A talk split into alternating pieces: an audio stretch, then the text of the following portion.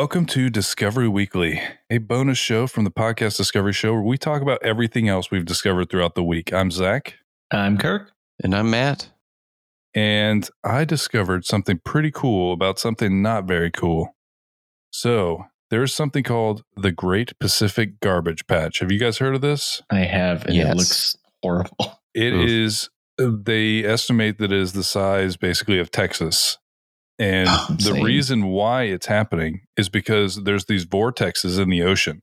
And so basically what you have is all of this circulating water is just pulling all the trash into one place. And so this is a we're going to be hearing about and I would honestly think that it's probably going to be there's going to have to be technology invented to help Can you us say the deal with size again, real quick? size of Tejas, Okay, because Texas. I, I heard you, but my brain didn't connect how big that was until Yeah. I thought about it for a second. and the reason why it's it's not heavily traveled because it's kind of in this huge patch between like California and Japan. And so there's a couple different ones, but it's all based around these swirling areas that they call gyres.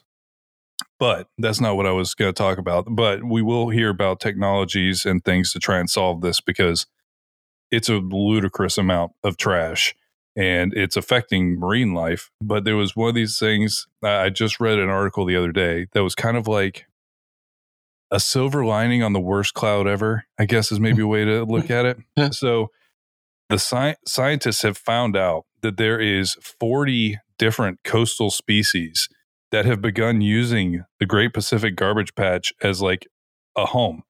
So there are already like 40 species of like barnacles and mussels and shrimp and things that are essentially living inside of this mass of human being terrible to the planet. And so it's just I just thought it was fascinating to see that like You see a hermit crab with a coke can on its back rather mm-hmm. than a yeah, shell. pretty much. It's not really a, it's not really a good thing, but I mean, I'm just glad that the animals are trying to like doing something to try and survive because it's it it honestly is terrible that it's happening, but essentially it's just really interesting to see how far nature will go to adapt even in the worst possible situations. So I will link this in the show notes, but yeah, they've they've found a lot of stuff on this and then they also one of the things that this is, and it's just because of how scientists think, they're also wondering if this could potentially be not this specifically, but kind of they see this and they wonder, okay, could this be how invasive species are getting places? Like if there's like a log that literally floated from one island to like the other side of the world, could that literally introduce an invasive species? Because clearly these animals, they're just gonna they're gonna hang on. They're gonna make it happen. They're they're just gonna animal it up. And so it's just led to all these questions. And I just thought it was really interesting. If Jurassic Park taught us anything, it's that nature finds a way. Yep. Uh, Well, what it really taught us is rich people will kill you. it's true. They always will. So, talking about uh, human influence on animals, I found out about this experiment that has been going on for 59 years. This experiment has been going on in Russia, and it is about domestic domestication of animals. Um, uh, I actually saw a thing on TikTok that talked about it, and then I was like, "Yeah, I'm gonna go look into that." And it was, it's just fascinating. So, for the last 59 years, a team of Russian geneticists led by, uh, dang it, Lyudmila Trut have been running one of the most important biology experiments of the 20th and now 21st century. It's an experiment to study the process of domestication in real time. Um, and the leader of kind of this this experiment is Dmitry Belyaev. Belyaev. I like that. I like the Russian. Dmitry B. He was Dmitry especially B. keen on understanding the domestic domestication, domestication, the domestication of wolves to dogs. But rather than use wolves, he used silver foxes as his subjects. Um, so he started this study literally not long after World War II.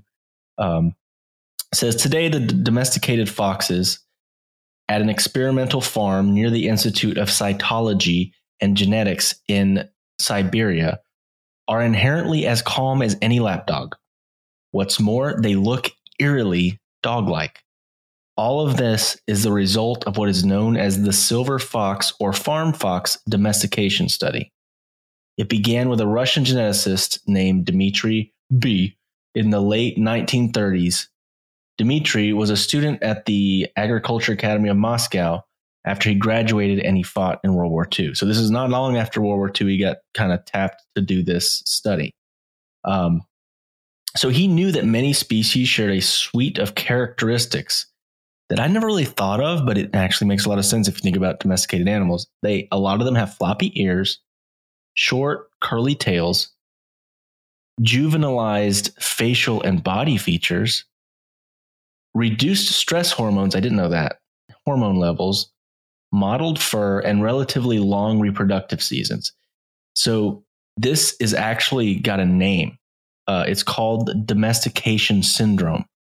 So m- almost all animals that have been domesticated have some or all of these traits. And then they talk about like why, you know, some things have been domesticated, you know, for food or for transportation, like horses, for protection, and for dog, you know, dogs were used as protection a lot. Um, I just wanted to clarify. You're saying that after domestication, they develop these traits? yes, Huh. yes. Over over a long period of time and being domesticated, they be they be, they get these traits. And e- there's even pictures of these foxes. You know, foxes have the pointy ears. hmm There's literally pictures of these foxes, and they've got like little floppy, cute ears, like you would see on a dog. Do you know? it, like Um, does domestication make them know that we think they're adorable when they're like a certain look? You know, there's that's like what I'm saying. They literally their bodies have changed to that for that reason to to be you know because I don't know how, but they know that if they do the little puppy dog face and be really cute, then they'll get more treats, food. I don't, I don't know. Hmm. Um, so they've literally like this experiment's still going on today. So this has been 60 years that this experiment's been going on and they've done literally i think 40 generations of foxes. So Hmm. thousands of foxes. And what they'll do is they they have this long list of tests that they do to see which one is the most tame and whatnot. And those are the only ones that are allowed to breed.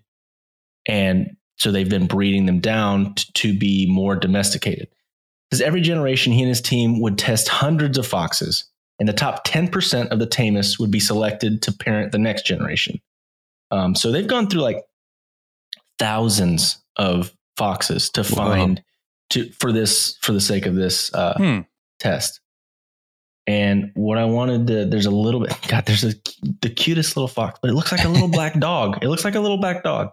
Um, starting from what amounted to a population a population of wild foxes within six generations the, the selection for tameness and tameness alone produced a subset of foxes that licked the hand of experimenters, could be picked up and petted, whined when humans departed, and wagged their tails when humans approached. Which none of Huh. those things are what foxes do. Hmm. Um, an astonishingly fast transformation. Early on, the tamest of the foxes made up a small portion of the foxes in the experiment. Today, they make up the vast majority. Um, Hmm. in less than a decade, some of the domesticated foxes had floppy ears and curly tails. Their stress hormone levels by generation 15 were about half the stress hormone levels of their wild foxes. Over generations, their adrenal gland became much and much, much smaller and smaller. Serotonin levels also increase, producing happier animals, which I didn't think of that. But Hmm. I mean, a, a wolf seems a lot more grumpy than, uh, you know, Normie, my Yeah, dog it does. my small Maltese. Uh, so it makes sense. Over the course of experiments, researchers also found that domesticated foxes displayed mutt-like fur patterns um, that had and had more juvenilized facial features. Like I said, like the little baby face, like the cute little, the cute little face. It looks like it's always got a smile. But it was just a fascinating study that literally has been going on for 60 years, and it basically proved the theory right that um, it was basically what proved the domestication syndrome. This study did. Really? uh, that that these are traits that happen as animals become domesticated. And it's funny because my second discovery later on has to do with domestication of animals as well, but it's a complete opposite, uh, which is what I thought was fascinating. Interesting. Cats become more evil. It's about cats, uh, and it's but it's not about them being evil. I always thought it was interesting. So I, I did hear someone say once that um, niceness is a, an evolutionary quality in animals when they're around humans because if you're nice, you get all this stuff. But if you're not, humans give you nothing. Get out of here, idiot. Yeah. Huh. It's so interesting because it's so applicable. Like if you see a stray dog that's like, oh, hello, you know, you're like, oh, hello, dog, you know, and you help it out, you give it stuff. But if it's a mean dog, you're like, well, I'm not giving that dog anything. yeah, I wouldn't go out of my way to get bitten. Eh, Some people might. They might be. Um, knows? let's see. Don't yuck on my yum. Speaking of confusing acts, uh, no, not acts. Um, anyway, uh, I am going to be talking about a thing that I just stumbled upon called a tesseract. Which, what the heck's a tesseract? It's a Yeah. cube that Loki's after. Exactly. It's a cube that Loki's after. It's in another movie, I think, somewhere. I think it's, to be. it's it's one of the stones in the Infinity Gauntlet, right? I think so. I think Yeah. Crush, yeah. I- yes, it's encased in the tesseract, the Yeah. space Oh, one. okay. I don't know. I don't really know those movies that well. I can't remember. it's been a long time since I've seen them. so uh, the tesseract is also known as a hypercube. Um, and to boil down essentially what it is into the least, like the least words possible, it's what a, it's to a cube, what a square is to a cube. Okay. So it's like the next, it's the evolutionary. What? uh, so it has more dimension than Yeah. a cube, even is what you're saying. Kind of. exactly. I'm going to start. It's just one of those things that, like, it, it's almost like theoretical physics where we can't really wrap mind around very well. That's what it, when you when you go through the uh, this article, it has a bunch of diagrams and stuff, and all of them are like. Now, bear in mind that this is a two dimensional representation of a four dimensional tesseract, so this isn't it. You know that ain't it, boss. You know. um, but I'm gonna try my best to boil it down. Uh, we talked about it a little bit. This is beyond my intelligence and ours, but it still blows my mind probably because it's beyond my Yeah. intelligence. Um, I'll just start with the properties of a tesseract. Quick summary: A tesseract is built from eight cubes. I don't know how. don't ask me that. All of the lines that form the faces of the cubes are equal in length. Don't again. All the lines meet at the right meet at right angles to each other. A tesseract has 16 vertices. I believe vertex is the, the uh, corner, whatever. hmm Um, a tesseract has 24 edges, and the shape has the shape has 36 edges. Okay, I'm both of those I- things are I- probably true, and I just can't wrap my brain around that. It's been it's been a little bit since I felt this stupid. I I, I fully don't understand what you're talking about. It's kind of impossible. I recommend checking out a video of a tesseract, a representation of one. It essentially is like like a Mobius strip. You know how it never ends and never begins, hmm or it continue. uh, You know, it's something like that that like doesn't make sense until it's applied. You know, um, so I'll just I'll just walk through this. Uh, these are someone else's words. I have questions, but you, I may get answers, so I'll let you continue. Yeah, I'm hoping. I'm hoping this person has the wherewithal to talking to uh, a dummy. Us like we're like we're kindergartners. yeah, yeah. And I'm seeing a lot of ads for puppies and stuff. So who knows? I'm hoping on this webpage. Um, a tesseract or a hypercube is the four-dimensional equivalent to a cube, much like a cube is the three-dimensional equivalent to a square. While a cube has six square faces, a tesseract consists of eight cells. It isn't possible to represent a four dimensional object in three dimensional space, much less on a two dimensional screen. But you can consider a tesseract what you get if you have a cube within a cube, except all of the vertices form right angles to one another. Rotating such an object appears very different from what you get if you rotate a three dimensional object. So, it, from what I gather, it essentially transforms as it's rotated. What? At each angle, it's a different view of it. Like you can't just turn it and get the same kind of thing um, that you were looking at before. Now, tesseracts are popular in art and science fiction. We know this. Salvador Dali painted a hypercube in 1954. What? That's ridiculous. I can't even fathom what it is, and he painted one. He was on a different level. Robert Heinlein. that's true. He was on drugs. yeah, Um, a different level of drugs. also that.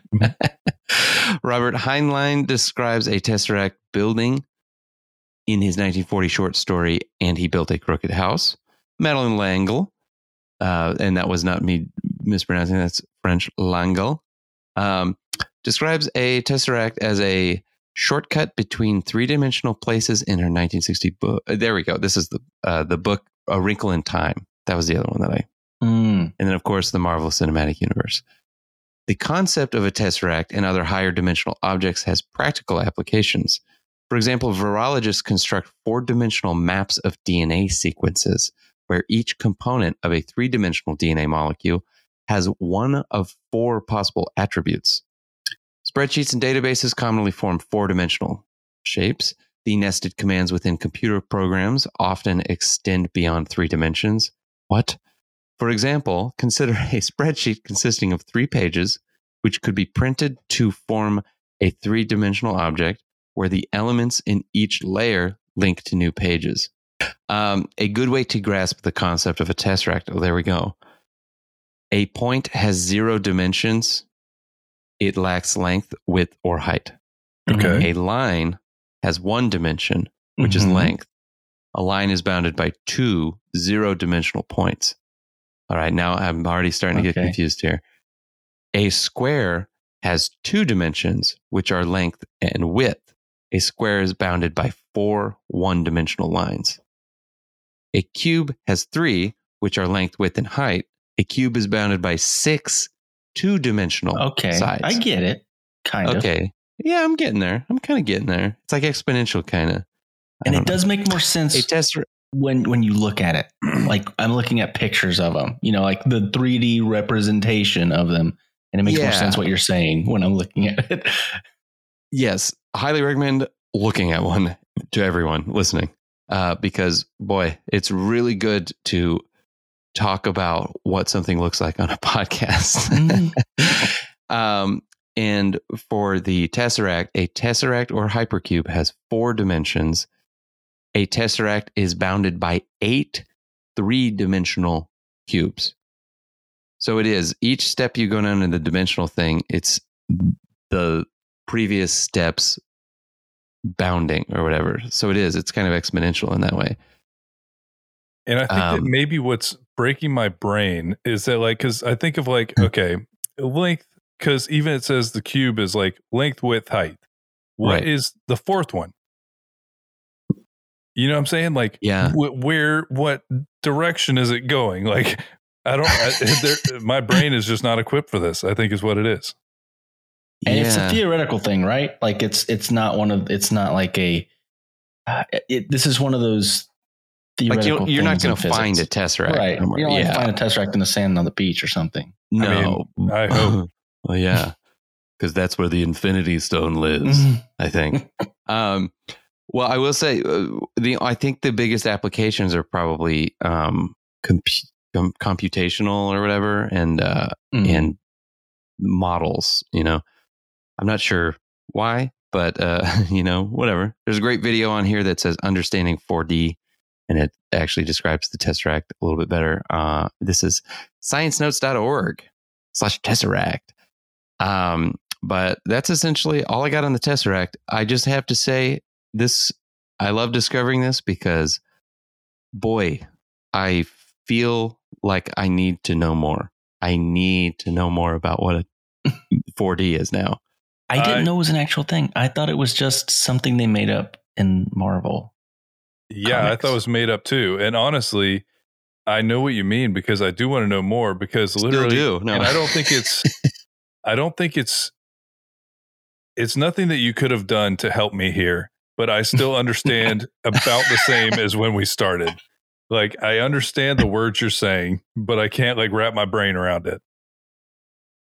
Yeah, Yeah, I, I think it's impossible for us in the three dimensional world, I believe, to really comprehend it beyond numerical values. I think because, as I recall, isn't the fourth dimension space like your travel, like the the space between, like the distance almost? I thought it was smell. Smell. Just kidding. The I'm Tesseract just kidding. smells You go, different. you go Actually, one of those. You go that on is those, go on a sense. 4D ride at a like at a theme park, and they That's right. they make the smell like that's My the- favorite thing is it's like we're gonna spray them with water and tell them it's 4D. God. I Yeah. I yeah. hate going to Universal because you know you're just going to get sprayed with water and wear glasses the whole time. You're gonna get wet. Um, 100%. Yeah, I love the idea that that you left Shrek 4D and we're like, that's a Tesseract. I was just in a Tesseract and I was- Shrek lives there. Uh, well, uh, that was my discovery. Uh, glad everyone knows what that is now. I, I'm gonna just have to put that on pause in my brain for a little bit. I can't just Yeah. dwell on it. So I don't think I know what it is, but I know that it is. Theoretically, at least. Now that is 4D, Kirk. that's 4D. So I was looking at. I'm trying to. I'm gonna not bring up any political stuff, but I saw this image that was used in response to something that we don't have to get into. But the image was the thing that got me. It is, and I will link this to the guys, and this will be in the show notes if you'd like to take a look at what the image is. But I saw this image and I was like, what am I missing here? Why is that a response? And what it is is is a picture of a biplane, double prop plane from World War II, and it has a bunch of red dots on it. And so this led me down a rabbit hole of discovery. This was used in World War II. There was something called the Statistical Research Group at Columbia University during World War II. That was literally, they just brought in as many statisticians as they could to try to help them solve World War II problems. And so what you're looking at is these, the planes that came back, this was where they were Hmm. hit. This is their main places they were being shot up in the field. And the conversation they were having is how do we armor planes so that they are better able to survive? Because you can't armor the whole thing because it can't maneuver, it's too heavy. And so there was a, a statistician named Abraham Wald who saw this, who saw because they basically got the statistic from all these planes coming back, and this is where they were shot. And so several of the people in the room said, okay, well, we see exactly where they're being shot, just armor those places.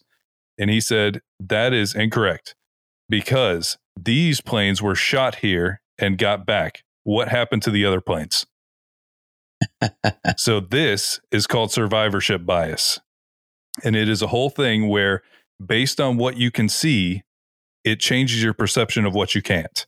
And so basically, if you look at this picture of the plane, the places you need to armor are the places that have no dots because the dots are survived shots.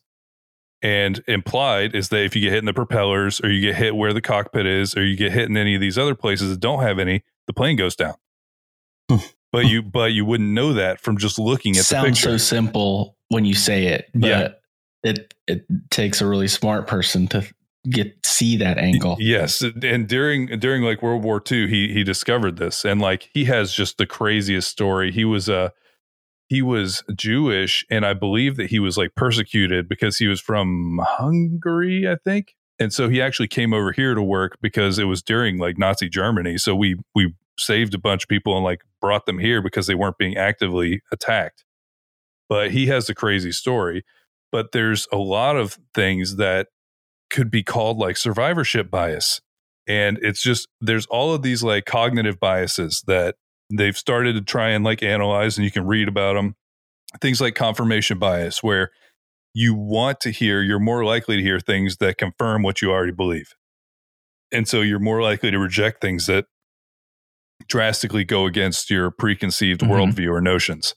Um, but this one is it was just a really interesting one called survivorship bias, and it basically that that was what sent me here. But then like there's a lot more interesting ones. So another more subtle one, and you guys have probably heard this. A lot of today's billionaires, uh, and this is a quote from this BBC article Bill Gates and Mark Zuckerberg, for example, achieve their success despite never going to or finishing university. The fact has attracted considerable media attention. The New York Times reported on a groundswell of young people choosing not to go to university. And in 2011, Silicon Valley entrepreneur Peter Thiel launched an ongoing program that awards $100,000 to young entrepreneurs who want to drop out of school. And so basically, it's based on Bill Gates didn't go to college. So you don't have to go to college to, to succeed. But then if you look at the whole picture, it changes. So in 2018, the UK did a study. Um, the employment rate for graduates was 88% and 72% for non graduates. And the median salary was $43,000 for graduates and $30,000 for non graduates. So it, it paints a different picture as soon as you Mhm. looking at a different like set of information. And so it's just interesting to think about. I, I always just liked exploring these like cognitive biases because it's not something you consciously put on. It's about looking at the information incorrectly or not looking at the the full breadth of the information and seeing what the other potentials are. But basically, it all just started because I saw that picture of the plane. I was like, what am I missing here? Why is there a plane Mhm. with a bunch of red dots on it? That reminds me of like Malcolm Gladwell's book Outliers, where he Mhm. talks about stuff like that, where it's like, no, it's not. It, Bill Gates isn't a genius because he's a genius. He had specific things that also fell into his lap perfectly.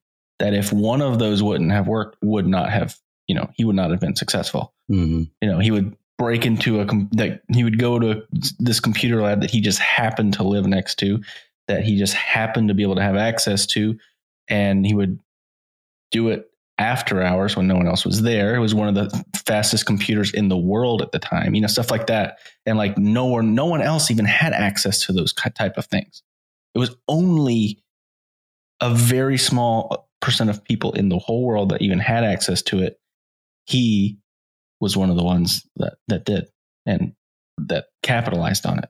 Yeah.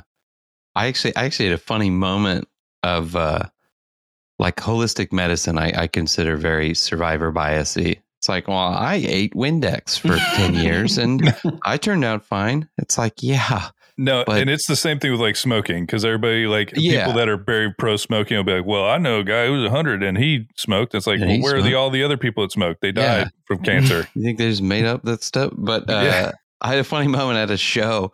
I was it was a market or whatever, and I I went over was just checking stuff out, and it was like they were selling tinctures and stuff, and I was like, oh, you know, whatever, essential oils. I just every now and again I'll get that stuff, not for its medicinal qualities, but it like just smells that's good. It smells great. good. Yeah. Yeah. I'm like, ooh, lemon. Um, but you go back there, or I went back there and they were talking and they had these, this guy just started telling me about these magnets they had. And he's like, how much do you know about polarity? And I, I wanted to be like, well, I understand magnets, you know, fine. but I was like, uh, go ahead. What do you want? like, what are you going Yeah, to go me? ahead, give me the Yeah. spiel. Whatever. Like, I'm not going to tell you how much I know about magnets and polarity. I mean, I don't know anything about magnets. I'm a magnetologist. I, I magnetologist. know what a magnet is. Can is. you imagine? I don't like study magnets. I'm actually, sir, I'm I'm in grad school for magnets. Um, Magnet studies, PhD. magnets. Yeah, there you go. I went to magnet school. Um, magnate. I think that's a different thing. it's a different thing. Yeah. Um, That's a actually pretty quite good a bit. response, I though. went to magnet school. I went to a magnet That'd be school. pretty good. Oh, he'd be like, "Those aren't the magnets I'm talking about, the dummy." I'd be like, "All right, idiot. Sorry, Uh, we too distracted from I your went story. to a No, magnet school. We could just riff on magnet school for Sorry. way too long." Um, yes, and yeah, exactly. Uh, but I go back there and I'm like, yeah, sure, uh, whatever. And he goes, well, we have these, we have these, I don't know, magnets. I don't remember what he called them, but he goes, when you play tonight, you should put these on the tops of your shoes and you'll notice that you're more grounded and that you're like, whatever. And he goes, you know what? He's like, set your beer down. And I set my beer down and he's like, let me, let me do this right now. And he put the two magnets on each and he's like, all right. Before he did that, he goes, get really stiff. And I was like, okay. And he took his hand and he moved me a little bit. And I like Mhm. moved. And I was like, okay. And he goes, now watch, watch this. Puts them on my shoes and then does the same thing. And and didn't I moved less. And he goes, Yeah. see, you moved less. And I was like, mm, no, I didn't. I didn't say I didn't say anything. I was just like, wow, that's amazing. Wow, And it's like- magnets, right? Yeah. Yeah, and then they tell me it's like, oh, it's three hundred dollars for Oh, a twelve pack of magnets. You know, crap. and that and that'll get you through the year. And I was like, okay. All right. Wait, you But have it's to like constantly replace your mag- your magnets? I guess because they get they get magnet. I had that exact disease. same spiel at I think it was like a at a at a outlet mall in Orlando. Oh my god. because they were selling those stupid sports Yes, bracelets that yes. were magnets. It was Those the the same. same That's what I exact thing. remember. Yes. And they did the thing where they're like pull your arm and you like are off balance a little bit, and then it, I think the whole thing is you know it's coming the next time, and so Yeah. you don't move as much, and that's it. But it always They just don't works. It hard. always works because Yeah. the first time they do it, you don't know what the freak they're doing, and Like, you why are you almost fall touching me? over. Ew. uh, but anyway, it's just it's it's a thing. It's a thing. I Well- know. I thought it was so funny. It's like the, now. Have you seen the stinking stuff they have for like uh, golfers and stuff? It'll be like a sleeve, and it has like gold wire in it or something. Oh, I'm the like, what? copper stuff. Yeah, Yeah. the- yes, copper. Copper fit. So weird. It's So- very strange, but I, that stuff always gets me because it's like I was I told I was telling Carlin I was like I feel bad for these people because they actually believe this because they take this and they do this all the time and they then they attribute all the good stuff in their life to these things. No, but here's the thing: placebo is yes, real. I was Exactly. gonna say it doesn't that's really why I matter. wish it that I does could do work. it. I It does know. work Dude. because they believe it works. No, have you guys ever thought about that? Like, I can't remember. Like, they have all the crystals and stuff now. That's like another new thing where they're like, here's this magic rock and it does X for you. And it's Mhm. like, I don't think it does that. But if you do think it does that, it might somewhat, you know, like placebo There's a lot is of real. experiments on the placebo effect, and it is powerful. Yo, yeah. I mean, They- like, you don't even have to really believe powerful. that it's going to help you sometimes, and it will help you. I I wish that I could harness that and become know. like a superhuman through placebo effect only. Guys, I, I, think I wholeheartedly believe in everything. I think uh, I think we're just too smart. Must be it. I don't- I don't okay, think after, that's it. after the Tesseract thing, I know that's yeah, not we, it. we have already confirmed to everyone that's not the case. All right, so my first discovery was about humans domesticating animals, correct? Well, I have a new discovery that I found that was along the same exact lines, but the exact opposite. And it was fascinating to me because I'd never heard this. Cats domesticated themselves. Huh. I thought you were going to say cats are domesticating humans right now. I was like, oh, God. maybe that's why they're not really great pets. I'm just kidding. I'm not really a cat person, but um, I like when other people have cats and I can pet it and then I actually do away. like cats. I just don't. I've never had cats. Uh, Hmm. Anyway, um, domestication of animals was an amazing feat that changed human relationship with the natural world. But while a Pomeranian looks nothing like a wolf, and a thoroughbred jump horse looks nothing like a wild pony, and a potbelly pig looks nothing like a black boar, domes- domesticated house cats look pretty much exactly like wild cats. That's because they domesticated themselves, not through form, but through function. And research reveals that wild cat ancestors share essentially the same genetics as house cats today. Hmm. Um, that I just thought it was really fascinating. That I mean, literally, there's ancient Egyptian like proof that there was cats as pets. Um, and it was the cat itself who came to prize the territory around the homes of the ancient farmer or the wharf of the ancient mar- mariner. Hmm. They were drawn to a plentiful supply of prey in the form of rodents, which Mhm. brought their species and ours to be inseparably linked. It's just That's it's, it's a, it was a short article. They talk about a few other things. They say um, rather than merging social hierarchies and breeding selectively like humans did with wolves, cats simply existed in close proximity to humans without ever fully entering societal processes. They didn't Huh. have to do it. They had they just were like, "Hey, we can eat your rats and you'll pet us and give us milk every now and then and we'll just be here." That's why we don't really like you because we're cats. And they're we don't that care way about you. We don't care about you, but we're here. No, and I have And seen cats that are nice and like want to be pet and everything, but it is super interesting. They're like, we know where the mice are. They're around the humans. So we're just going to go by the humans. We're going to eat the mice and they're going to love it. And that's it. That was the whole love it. story. That was the whole story of them being domesticated. that's wild. I just thought it was fascinating that they they really Hmm. it has a lot to do with like how smart they are. Think about how smart you have to be as an animal to be like, hey, that guy over there, he's got a bunch of rats in his house and a warm bed. I can get both of those things too if I'm just cool. I just like to imagine the first cat, the first cat that domesticated itself. Somebody's like, what the, what the hell are you doing here? What is that? Why is it in my house? And it's like, no, I'm just chilling. Don't worry about it. And that's it. I love how simple their story is. So like one But- day they decided, They they talk a lot more about like actual genetics and stuff because they they did literally test from like mummy cats because they literally have Mhm. mummified cats from ancient Egypt. Damn. They checked the DNA from that all the way to like modern day cats, and they're very close to the same. That's wild. Wow. Cats. Or we're talking Cats, about the, am I right? the movie, right? Meow. Oh, yeah, of um, well, my last discovery for oh, I guess the year. Oh wow. Um, this is an old discovery, but I rediscovered it recently and learned that it's still going. You guys have probably never enjoyed the majesty of Henry Phillips and Henry's Kitchen Tips, or Henry's Kitchen, excuse me.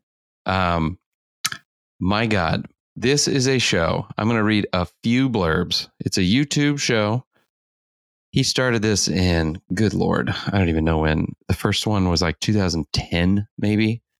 I'm going to read the blurb for his second episode How to Make Henry's Anytime Chili for One. Uh, this is a comedy show, by the way. Uh, in this installment of Henry's Kitchen, we learn to make Henry's own famous bachelor favorite chili for one. If you enjoy these instructional videos, you can watch all of them on Henry Phillips' channel, Hen Lips. Also, this biographical film, Punching the Clown, is now available on Amazon. Great movie.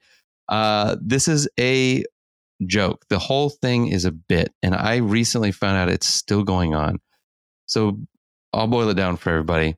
This is a show about a guy who puts on a cooking show by himself. He films it, he edits it, he even does the music for it. You learn that later, um, but you'll you learn it early, but then you realize it's him. Um, it is so funny because he is essentially destroying these recipes, but he's trying his hardest. The whole arc of the show is that he is this depressed, depressing, like awful life man. And this is the only thing he has in his life.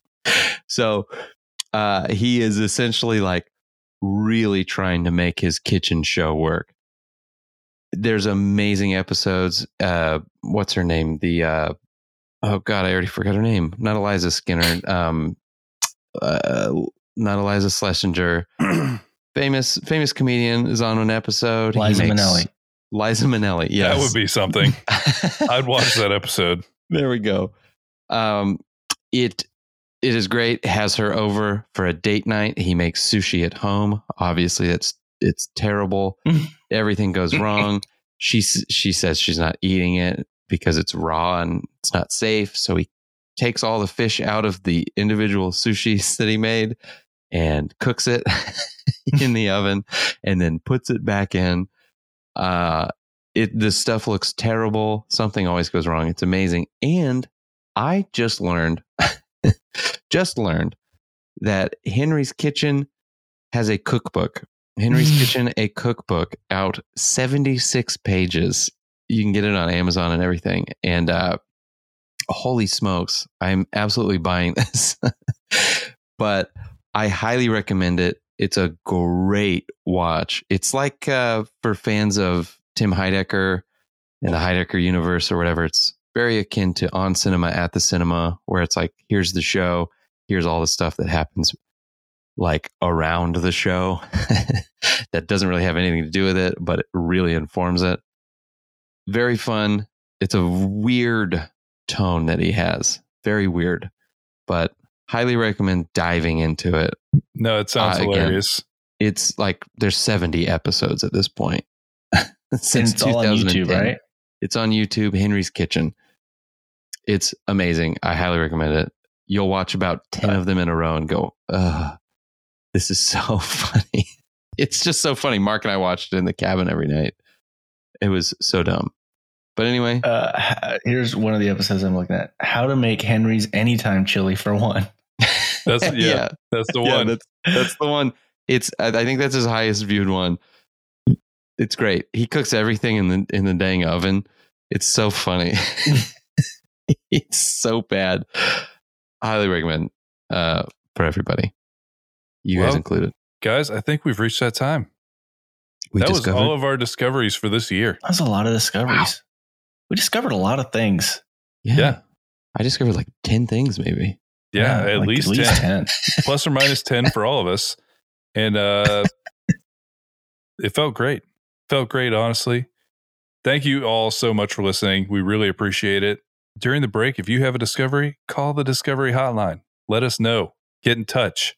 And then we will be back in the new year. But yeah, thanks so much for listening. It's really fun to uh make the show. We're we're glad some people listen to it. Yes. Enjoy the time with your family. Enjoy the holidays, whatever you may celebrate. Just celebrate it good. Celebrate it good. Real good. Just real good. Real And- good. and don't do it. Just don't just do it for us. Do it for you. Do it You for earned you. this. Do it for you. Do it for you. Real good. Do it for you real good. Do it for you real good. T-shirt. All right, friends. We will talk to you in the new year. Bye bye.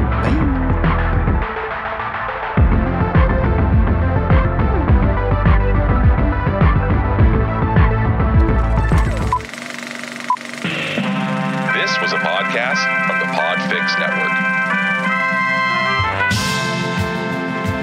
Check out more shows like it at podfixnetwork.com.